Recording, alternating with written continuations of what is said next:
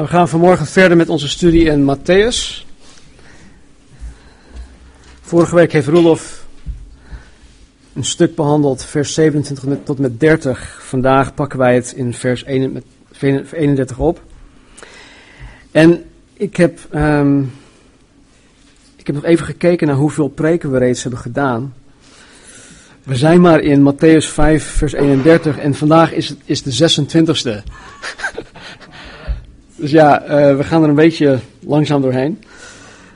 Maar dat geeft niet, want het is allemaal Gods woord. En omdat wij overal een beetje hier, van, hier en daar van plukken, um, krijgen we niet alleen Matthäus mee, maar we krijgen ook andere dingen mee in de Bijbel. Dus um, het is goed. Stel dat er vanmorgen een, uh, een gehuurde bezoek, bezoeker in ons midden is, die christen is, eh, die aan jou de vraag stelt of hij één van zijn vrouw mag scheiden en twee vervolgens mag hertrouwen. En met andere woorden, staat, het, of staat de Bijbel het aan de christen toe om überhaupt te scheiden? Indien ja, staat de Bijbel het toe om te hertrouwen. Je hoeft het niet te beantwoorden, maar hoe zouden jullie deze vraag beantwoorden? Ik geloof dat er onder de christenen, en dan niet, niet per se hier, maar onder het christ, in het christendom in, in het geheel, dat er ja, helaas heel veel verwarring is over echtscheiding. En de reden is, is niet zozeer omdat, ja, omdat God zo vaag en verwarrend is in zijn uitleg, maar omdat de gevallen mensheid Gods woord niet echt kent. En ook de gemeente van God kent Gods woord niet echt. En vervolgens heeft de mens er een zootje van gemaakt. Om het heel plat te zeggen. De doorsnee christen begrijpt niets tot weinig van echtscheiding, omdat de doorsnee christen niets tot weinig van het Bijbels huwelijk begrijpt. En we, we worstelen allemaal er doorheen om, om tot dat blauwdruk van Gods bedoeling te komen. En daarom ben ik zo blij dat wij vorig jaar ook begonnen zijn met, met de mannenochtend en de vrouwenochtend, om ons daarbij te helpen. Het huwelijk is iets dat God heeft ingesteld. En hoe beter we het huwelijk gaan begrijpen, hoe meer succesvol we, we, we erin zullen zijn, hoe minder de kans dat het tot echtscheiding zal komen. Nou, in bijna alle gevallen van echtscheiding onder christenen zet men het woord van God naar eigen hand.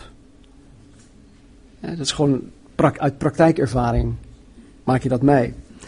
Nou, om dit onderwerp goed te kunnen begrijpen, moeten wij gewoon de nodige tijd en aandacht hieraan schenken.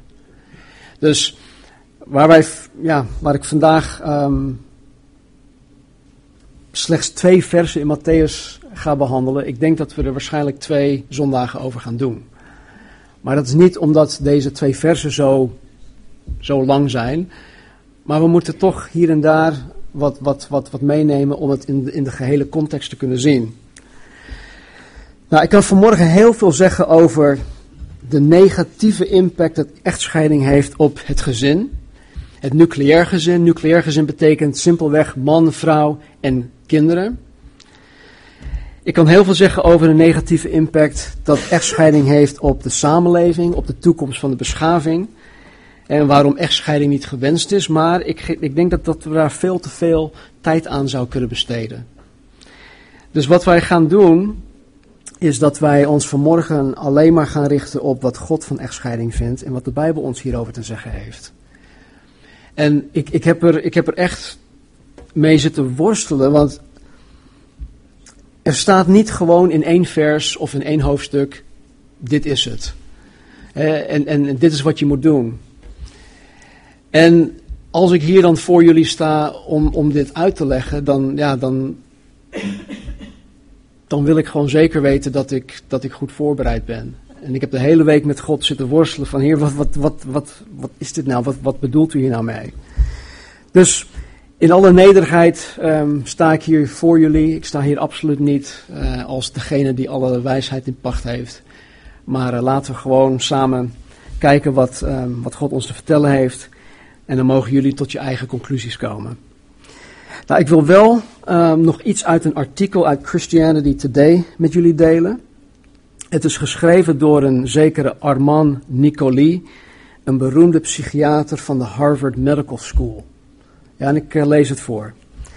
Hij zegt: Zekere trends die steeds meer ingang vinden, zullen het nucleair gezin uitschakelen, haar integriteit teniet doen en haar leden dusdanig doen lijden aan verlammende emotionele conflicten, zodat zij voor de samenleving een onverdraaglijke last zullen worden. Als er één factor is die de ontwikkeling van het karakter en de emotionele stabiliteit van een individu beïnvloedt, dan is het de kwaliteit van de relatie die hij als kind ervaart met beide ouders. Integendeel, als mensen die lijden aan zware niet-organische emotionele ziektes één ervaring gemeen hebben, dan is het de afwezigheid van één ouder, het zij door het sterven, echtscheiding of een andere reden. De ontoegankelijkheid van een ouder, het zij fysiek, emotioneel of beide, kan de emotionele gezondheid van een kind diepgaand beïnvloeden. Einde citaat. Dit is uit een, een, een artikel uit Christianity Today. Today. En ik heb dit uit een commentaar van zeker John MacArthur. En hij heeft dit hierover te zeggen. Hij zegt dit. Dr. Nicoli constateert zes trends of situaties die het meest vernietigend zijn voor het gezin.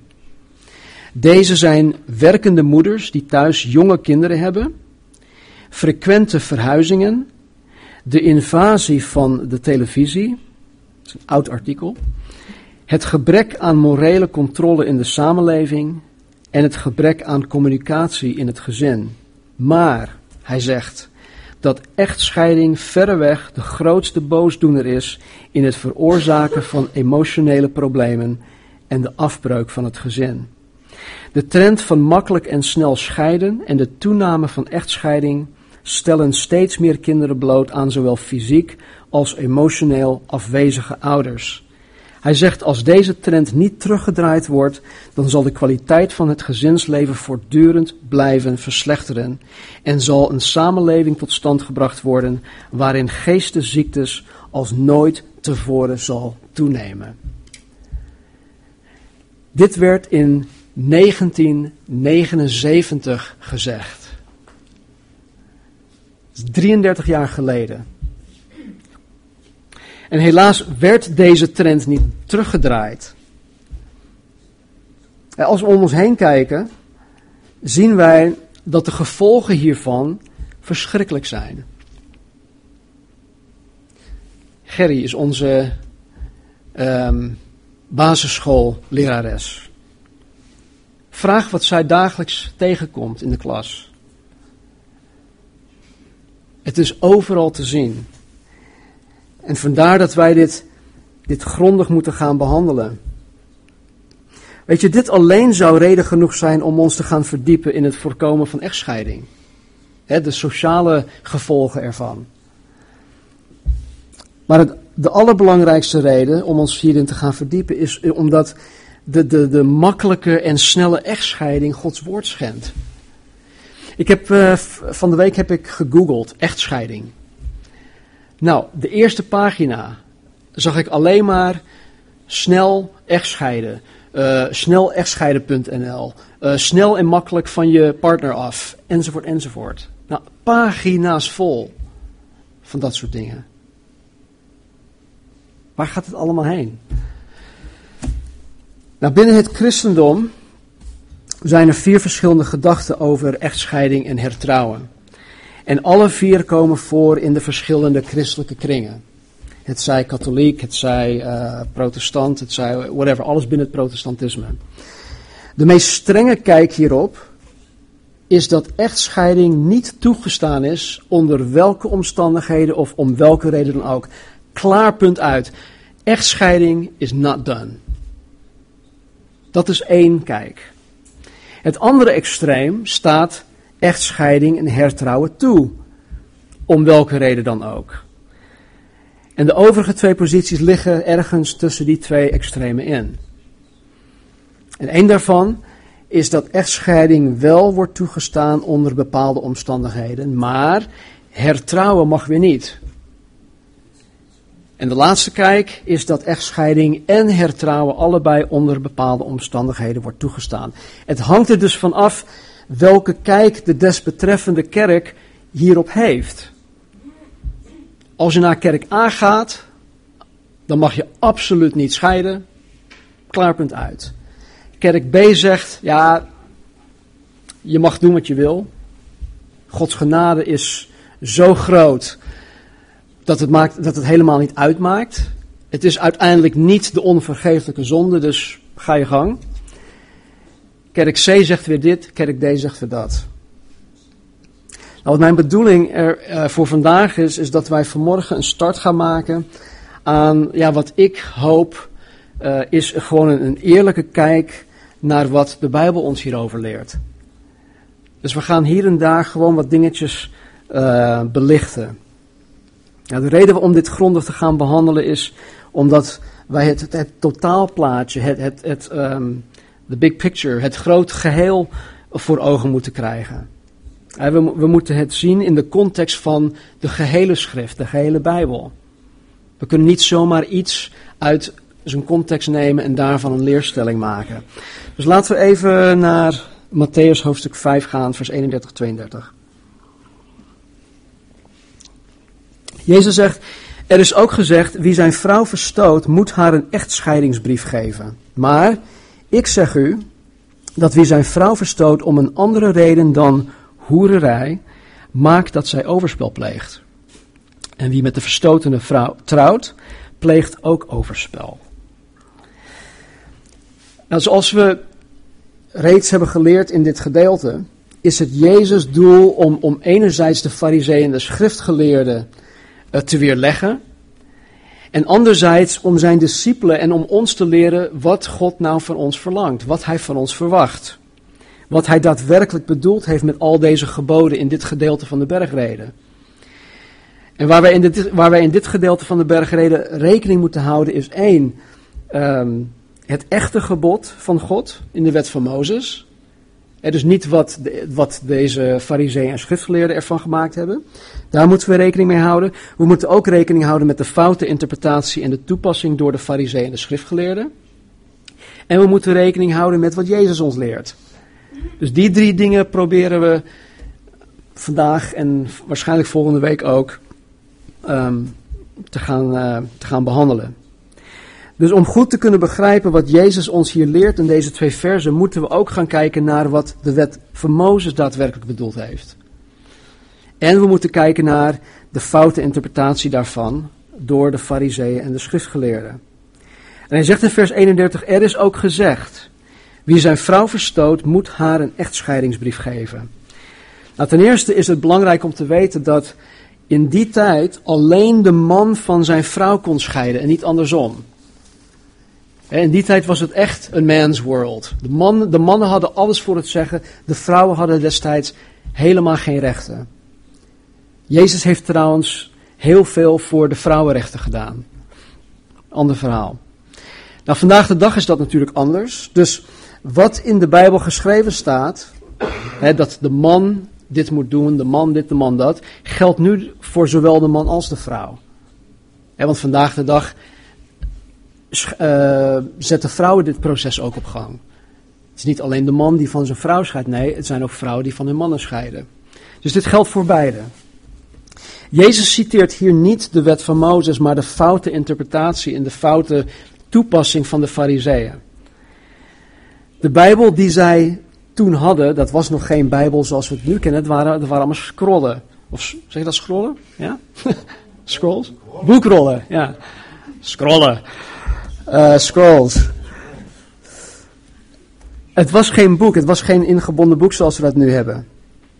En het was nog moeilijker, want het stond allemaal in het Hebreeuws geschreven. En de voertaal van toen was Aramees. Dus de, de, de, de gewone burger, de gewone Jood, die sprak geen Hebreeuws meer. Die las geen Hebreeuws meer. Zij waren dus volkomen afhankelijk van de fariseeën en de schriftgeleerden die uitleg gaven van, wat er in de Bijbel stond. Alleen was het zo dat de fariseeën en de schriftgeleerden het woord van God naar eigen hand zetten. Dus tegen de tijd dat Jezus op het toneel kwam, was het woord van God dusdanig verwaterd dat er weinig van de waarheid was overgebleven. Het was gewoon wat zij ervan maakten. En daarom was Jezus, ik weet niet of je dit is ooit is opgevallen, maar Jezus was dus voortdurend bezig om alles weer recht te zetten. Hij was continu in de clinch met de fariseeën en de, en, de, en de schriftgeleerden. Omdat zij er een zootje van hebben gemaakt en Jezus trachtte elke keer weer om alles recht te zetten, om Gods woord, um, uh, om hun te weerleggen. Nou, het woord verstoot, dat hier in vers um, ehm, 31 gebruikt wordt, betekent exact hetzelfde als scheiden van zijn vrouw. Het is echtscheiding.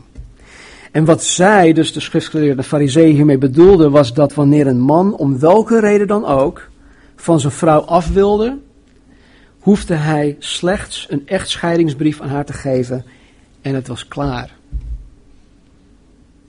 En de reden, ze hoefde, ze eigenlijk geen, geen, geen reden te hebben.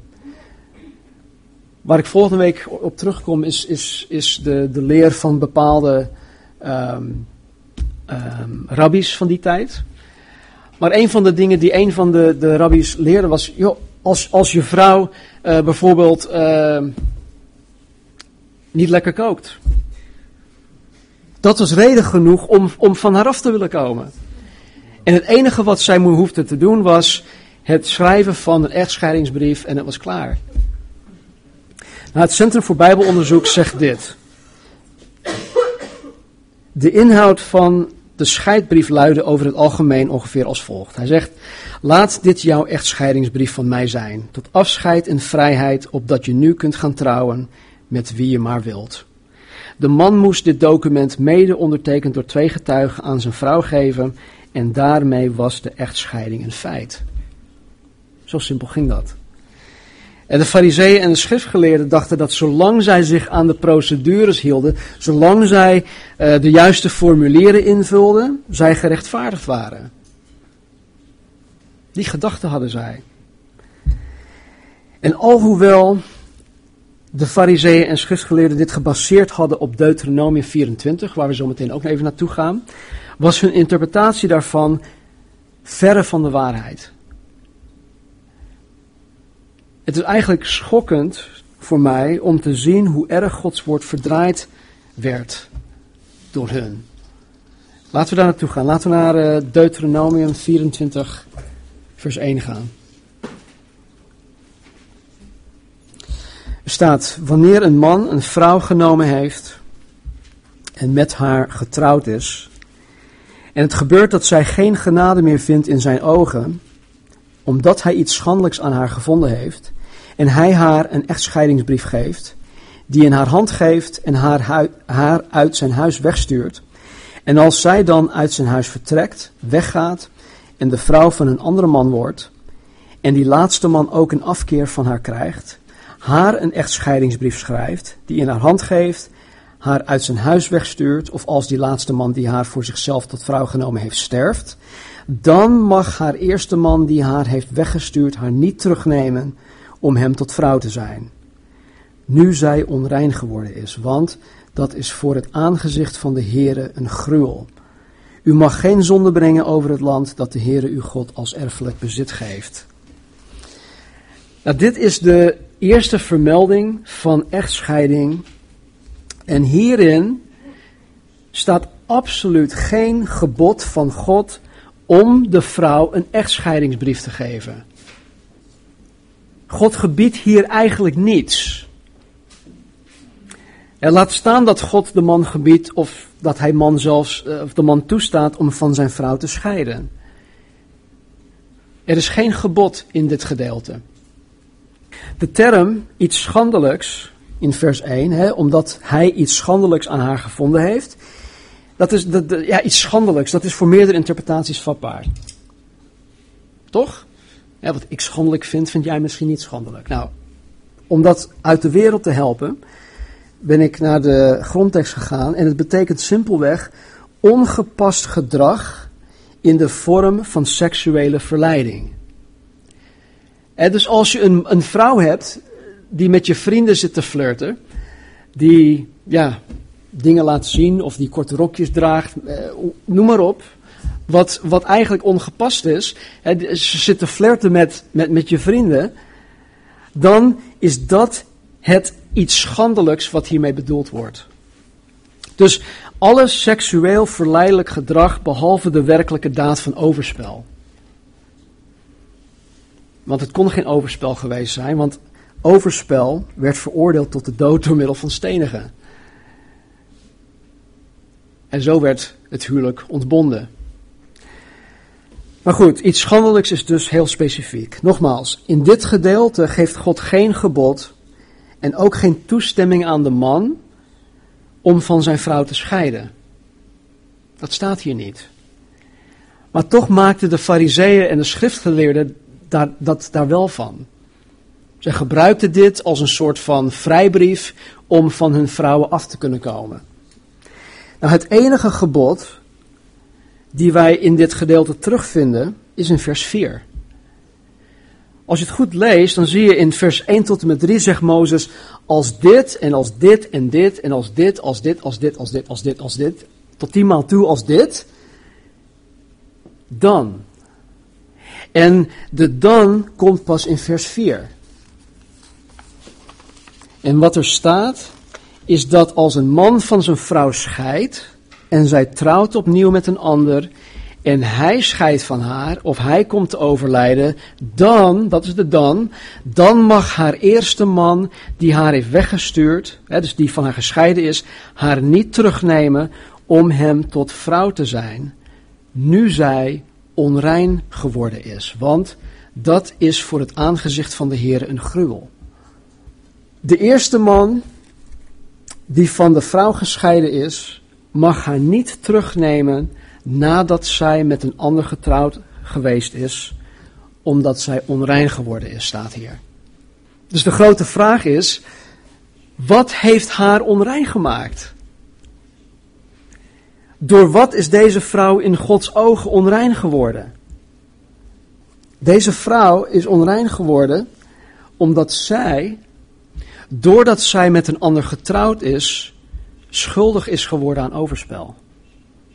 Hou die gedachte even vast.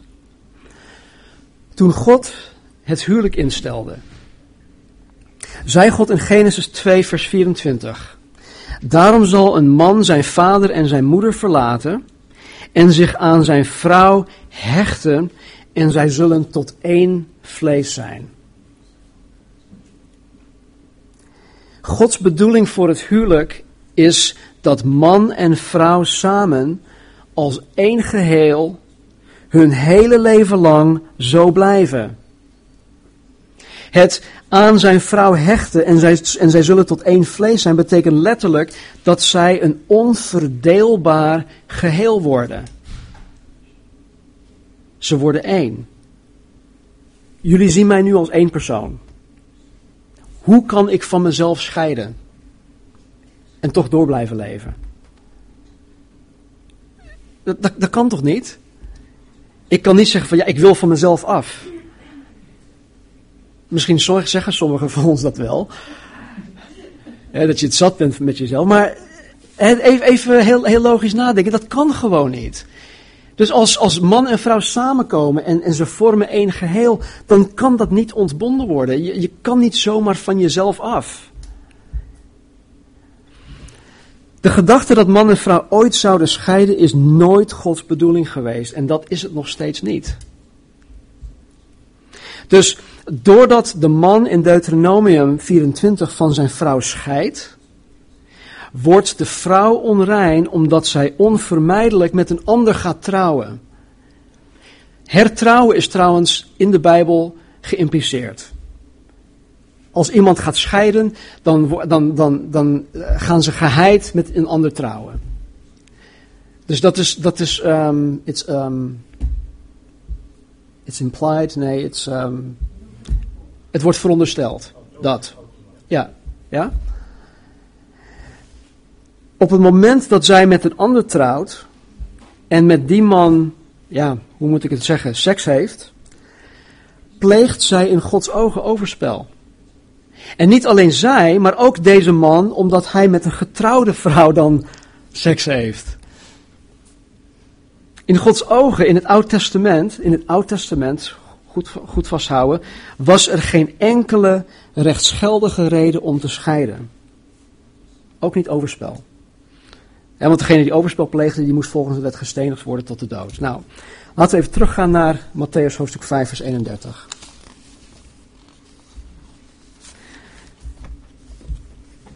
Jezus zegt, er is ook gezegd, wie zijn vrouw verstoot, moet haar een echtscheidingsbrief geven. Zij hadden dit, uh, zij waren tot deze conclusie gekomen aan de hand van Deuteronomium 24, 1 tot en met 4.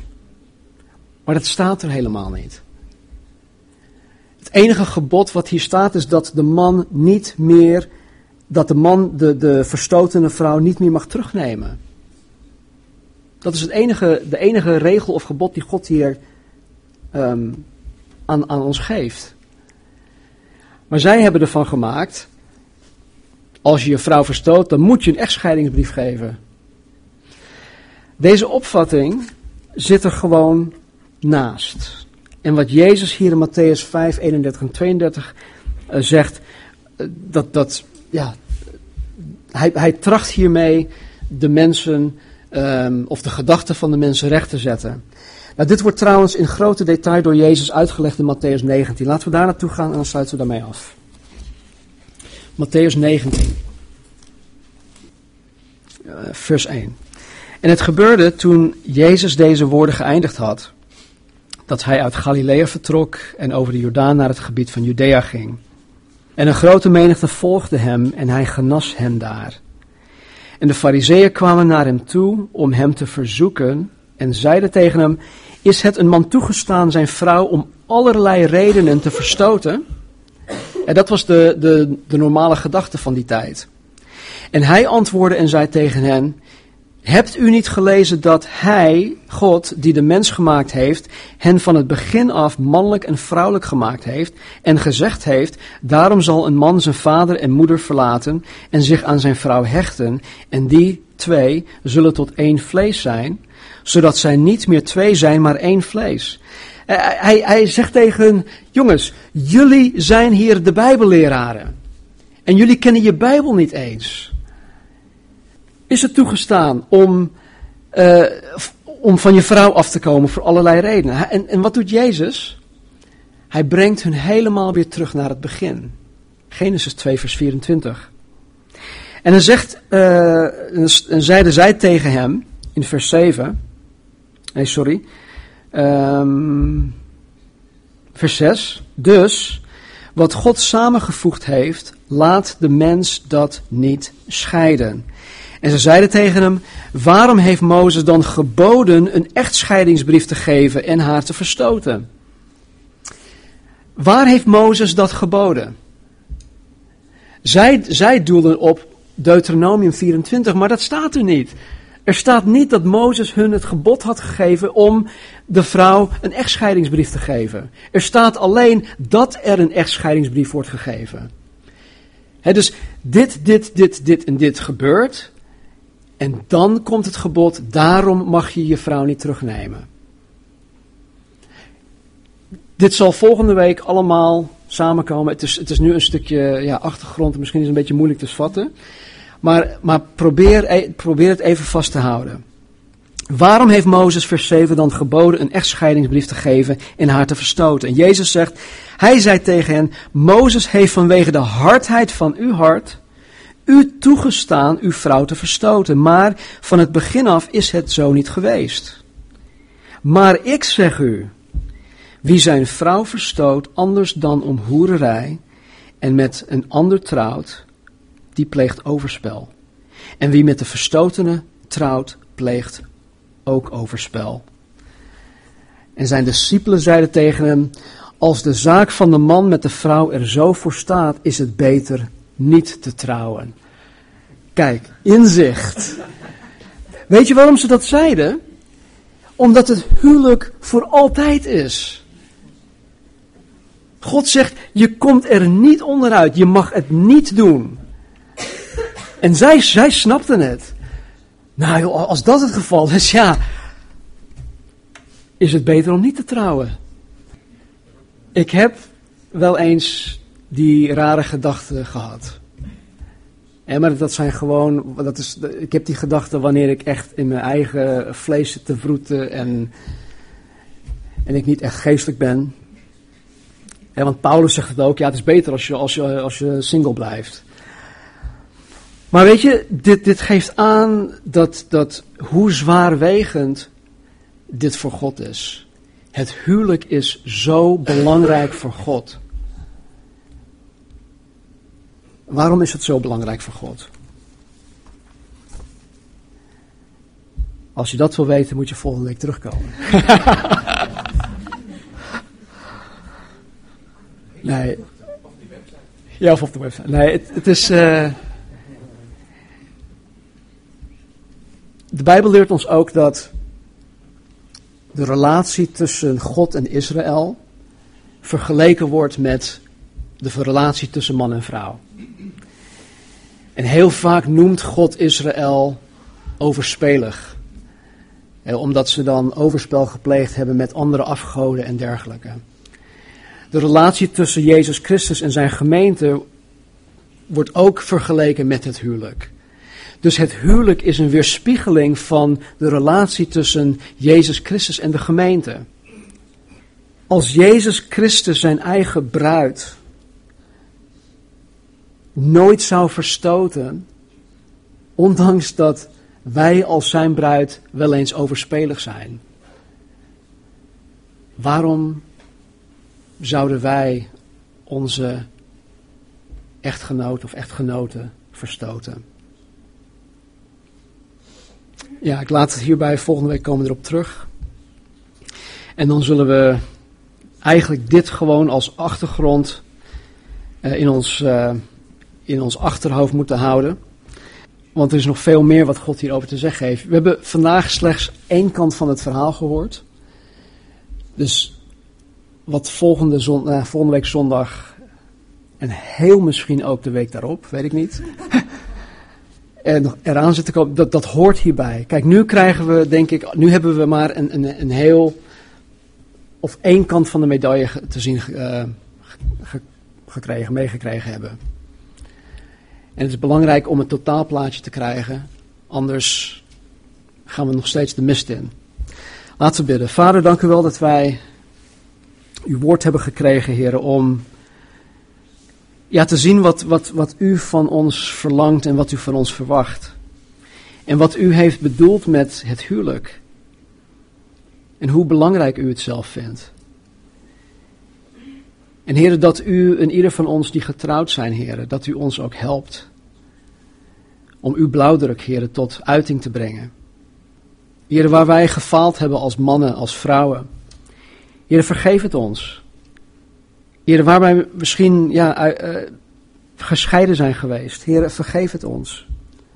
Heren, help ons alstublieft om, om, ja, om dichter bij u te komen. Heren, want hoe dichter we bij u zijn, hoe dichter we met u wandelen, heren, hoe meer u van uzelf aan ons laat zien. Hoe meer wij uw woord gehoorzamen, hoe meer gunst en genade u ons geeft. Hoe meer u van uzelf laat zien, hoe meer u uw wil aan ons openbaart. Dus Heer, help ons alstublieft. Ik dank u, Vader, voor alle huwelijken in ons midden. Ik dank u, Vader, wat u in de afgelopen vijf jaar in onze huwelijken hebt gedaan. Heer, ik heb zoveel zien veranderen in ons midden. Huwelijken, vader, die op het punt stonden om geëindigd te worden. Heren, die bent u aan het herstellen.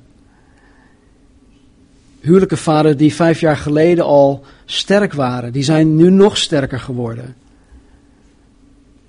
Dank u wel, Heer, dat u zo genadig bent en zo goed. En dat u ons daarin helpt en dat u ons daarin leidt. En Heer, ik draag aan ieder huwelijk binnen de Cross Culture Calvary Chapel aan u op. Heer, zegen ons alstublieft. Geef ons, Heer, ook als man en vrouw zijnde, Heer, de, uh, het verlangen om, om ja, uw blauwdruk echt te gaan leren kennen. Om in uw woord te gaan spitten. Om te zien wat u van ons als man zijnde verlangt. Om te zien wat u van ons, uh, ons als vrouw zijnde verlangt. Heer, opdat we een getuigenis mogen zijn naar de wereld om ons heen. Heer, er zijn zoveel gebroken mensen om ons heen. En die hebben uw liefde en uw trouw en uw genade zo hard nodig.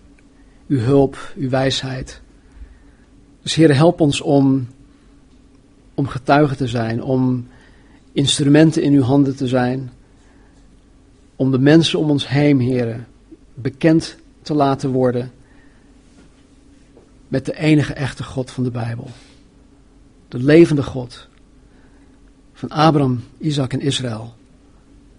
Dank u wel. Vader, zegen ons alstublieft. Heer, niet omdat wij het verdienen, maar Heer, gewoon uit uw genade.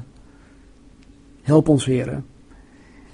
En Vader, waar we het moeilijk hebben op dit moment in onze huwelijken, help ons alstublieft, Heer. Kom ons tegemoet. Blijf aan ons sleutelen, omwille van uw naam. In Jezus' naam, amen. Amen.